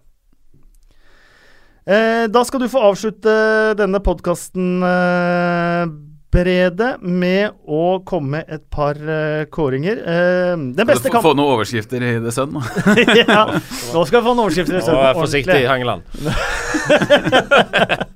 Ja, bare fortell deg, Jon Carew han spilte fire kamper mot deg. Ja. Hvor mange mål skåra han? Nei, Ingen fant meg ut her før sendestart. Ja. Det er jo noe. Hadde Carew i baklomma. Ja, rett og slett. Rett og Jon, slett. kom ut. Ali, Hanglestad! kan jeg fortelle Hanglestad-historien? Ja, du kan få. Ja, borte mot Nord-Irland, landskamp med Norge. Da hadde jeg vært med noen ganger, vet du. Og så, skulle, så ble Jon Carew bedt av jeg tror det var Frode Olsen som var keeper, om han kunne gå gjennom Vikinglaget. Sant? Noen av oss spilte jo i Viking. Og det klar, Jon Carew sleit veldig med det. da. Han kom på to mann. Det ene var Fuglevik. Det var da Erik Fuglestad. og så satt, satt Frode Olsen og pekte på meg, da, for jeg spilte jo på Viking i den tida. Og så sier Jon Carew Å ja, du ja! Hanglestad! Fuglevik og Hanglestad. Fuglevik og Hanglestad. Sentrale midtbaneduoen til Viking. Ja. Og du vet at Fuglevik har hatt en veldig fin karriere i eh, England, han òg? Ja, han, jeg kan si det. Han spilte for Norwich. Han gjorde det. Ja. Og han uh, uh, jeg, Det er ikke så ofte jeg vant. Jeg vant jeg, på kryssord i Donald. Da jeg var liten, så vant jeg en gang kryssordet som var sendt inn på den siste, lille halve siden der. Da vant jeg Hakkespettboka, faktisk. Og en annen gang så var det på eh, lokalavissida til eh, Norwich Hvem er dette? Så jeg skrev inn Erik Fuglestad, og vant Sven Øren eh, Eriksson sin bok. Uh, leadership the Sven Gøran Eriksson Way. kan jeg låne den? ja, det kan du faktisk. Jeg foreslår at du gir deg selv 20 kroner i bot og gir det til veldedig formål hver gang du nevner Norwich i podkasten. Uh, ja, apropos det. Da du gifta deg, så istedenfor å få presang Da du og Celine gifta dere, så eh, ba dere folk gi de pengene til et veldedig formål. Ja, stemmer det. Vi bygde en skole i Kambodsja. Tenk på det. Det er på bucketlisten min, Kasper, å reise ja. ned og se. Det går 500 eh, barn på en skole i Kambodsja som, som bryllupsgjestene var med og betalte for. Da. Så det er jo hyggelig. Det oppsummerer deg på alle mulige måter, Brede. Et fantastisk gest fra en fantastisk menneske. Takk skal du ha. Eh, den beste kampen du spilte? Mm, det er uh, en bortekamp mot Stoke som ble 0-0 på gamle Britannia, der jeg satte Premier League-rekord i headinger. Var det da Jon Carew kom opp i feltet som en av de minste Stoke-spillerne? Det kan ha vært det, for jeg husker når Jon Carew signerte for Stoke, og når det var corner imot, så var det jo sånn Armageddon. sant? Da kom guttene inn, Shawcross og Hoof og alle disse her, og Carew var en av de minste. Og så hadde de Den minste var han som kasta inn, det var han uh, Delap, som bare var på laget for denne lange innkast. Og du Men- vet hva Rory DeLapp holdt på med fram til han begynte med fotball? Nei. Han var faktisk spydkaster. det er ikke tull engang. Selvfølgelig var han det. Um, du, nå skal du få litt sånn Ikke the laziest. Nå skal du få litt sånn motsatt. Mhm. Men uh, jeg har på følelsen hva som er svaret på neste. Den galeste medspilleren du har hatt. Er jo Tøff konkurranse her, men det er jo Jimmy Bullard. Det var han jeg tenkte ja, på. Det er jo det, selvfølgelig. Uh, tankene går tilbake til en bortekamp mot Everton uh, når uh, vi var i Fulham og Roy Hodgson var trener. Uh, motsatsen til Jimmy Bullard på alle vis, men da var det veldig strukturert jobb for alle mann. Og Bullard og Danny Murphy var sentrale midtbaneduoen. Og Hodgson påpekte igjen og igjen på videoen at uh, Bullard var på feil sted. For det var alltid en gul prikk på videoen, og det, du skulle stå inni den gule prikken. Og så plutselig reiser han Bullard seg opp midt i spillermøtet, og så ser han bare sånn What's this? The fucking Jimmy Bullard Show. det var kun snakk om han. Alle andre sto inni sine gule prikker, men han var liksom virra rundt et annet sted. Bare søk på YouTube på Jimmy Bullard, så har du en hel ettermiddag med underholdning. En fantastisk fyr. Og han virker som en veldig fin fyr òg, da. Nydelig fyr, og veldig god spiller. Uh, vi solgte jo han til Hull for fem millioner pund når han var invalid. Det var kanskje en av de beste handlene Fulham har gjort noen gang. Jeg, tar jeg mer enn han i benkpress? Jeg er helt overbevist om. Helt over. Nå regner med du er eh, veldig, veldig svak i benkpress, eh, Kasper. Ja. Men, eh, legger det til grunn. Men uansett mye sterkere enn Bulland. uh, og da skal du få uh, Kanskje du får overskriften på The Sun. Uh, hvem eh, var den mest treningsvillige? Hvem trente hardest av de du har av lagkompiser? Ja, altså det Åh. Her tror jeg faktisk vi skal ta en nydelig mann, Damien Duff. Ja. Damien Duff, alltid på jobb. Kom tidlig, gikk seint. Puls i 200. Og repetisjon på innlegg og avslutninger. Fantastisk fyr. Og så kommer han fra Irland. De beste fotballspillerne kommer fra Irland sånn mentalitetsmessig. På trening, og så Shall we go for pint, lads? Og han er ligamester. Ja, Han har vunnet Premier League. Han var så god, han. Han var det. Du, det har vært en eh, sann fornøyelse å ha deg her, eh, Brede. Veldig kjekt å være her. Kom gjerne igjen hvis det er åpning for det på et eller annet tidspunkt. Når du vil. Ja. Her er det åpen invitasjon. Det tipper jeg lytterne også vil. Og Simen, vi er fortsatt eh, BFFs, Helt riktig. så du må også bare komme igjen når du vil. Det er derfor det er en F på slutten. Forever. Mm. Åh, det er nydelig. og du som har hørt på, tusen takk for at du uh, hørte på. Uh, husk at vi er på Twitter. 2PLpod heter vi eh, på Twitter. Uh, du kan også gå inn på iTunes og legge inn en stjerne eller kommentar eller tre. Uh, det er alltid hyggelig. Og Felix? Takk. Felix har lagd episoden sammen med moderne media. Det er vi veldig takknemlige for, Felix. Hva gleder du deg til den uka som kommer nå? Uh, mer Premier League. Deilig. Bra svar! Takk for nå, og så høres vi igjen neste uke.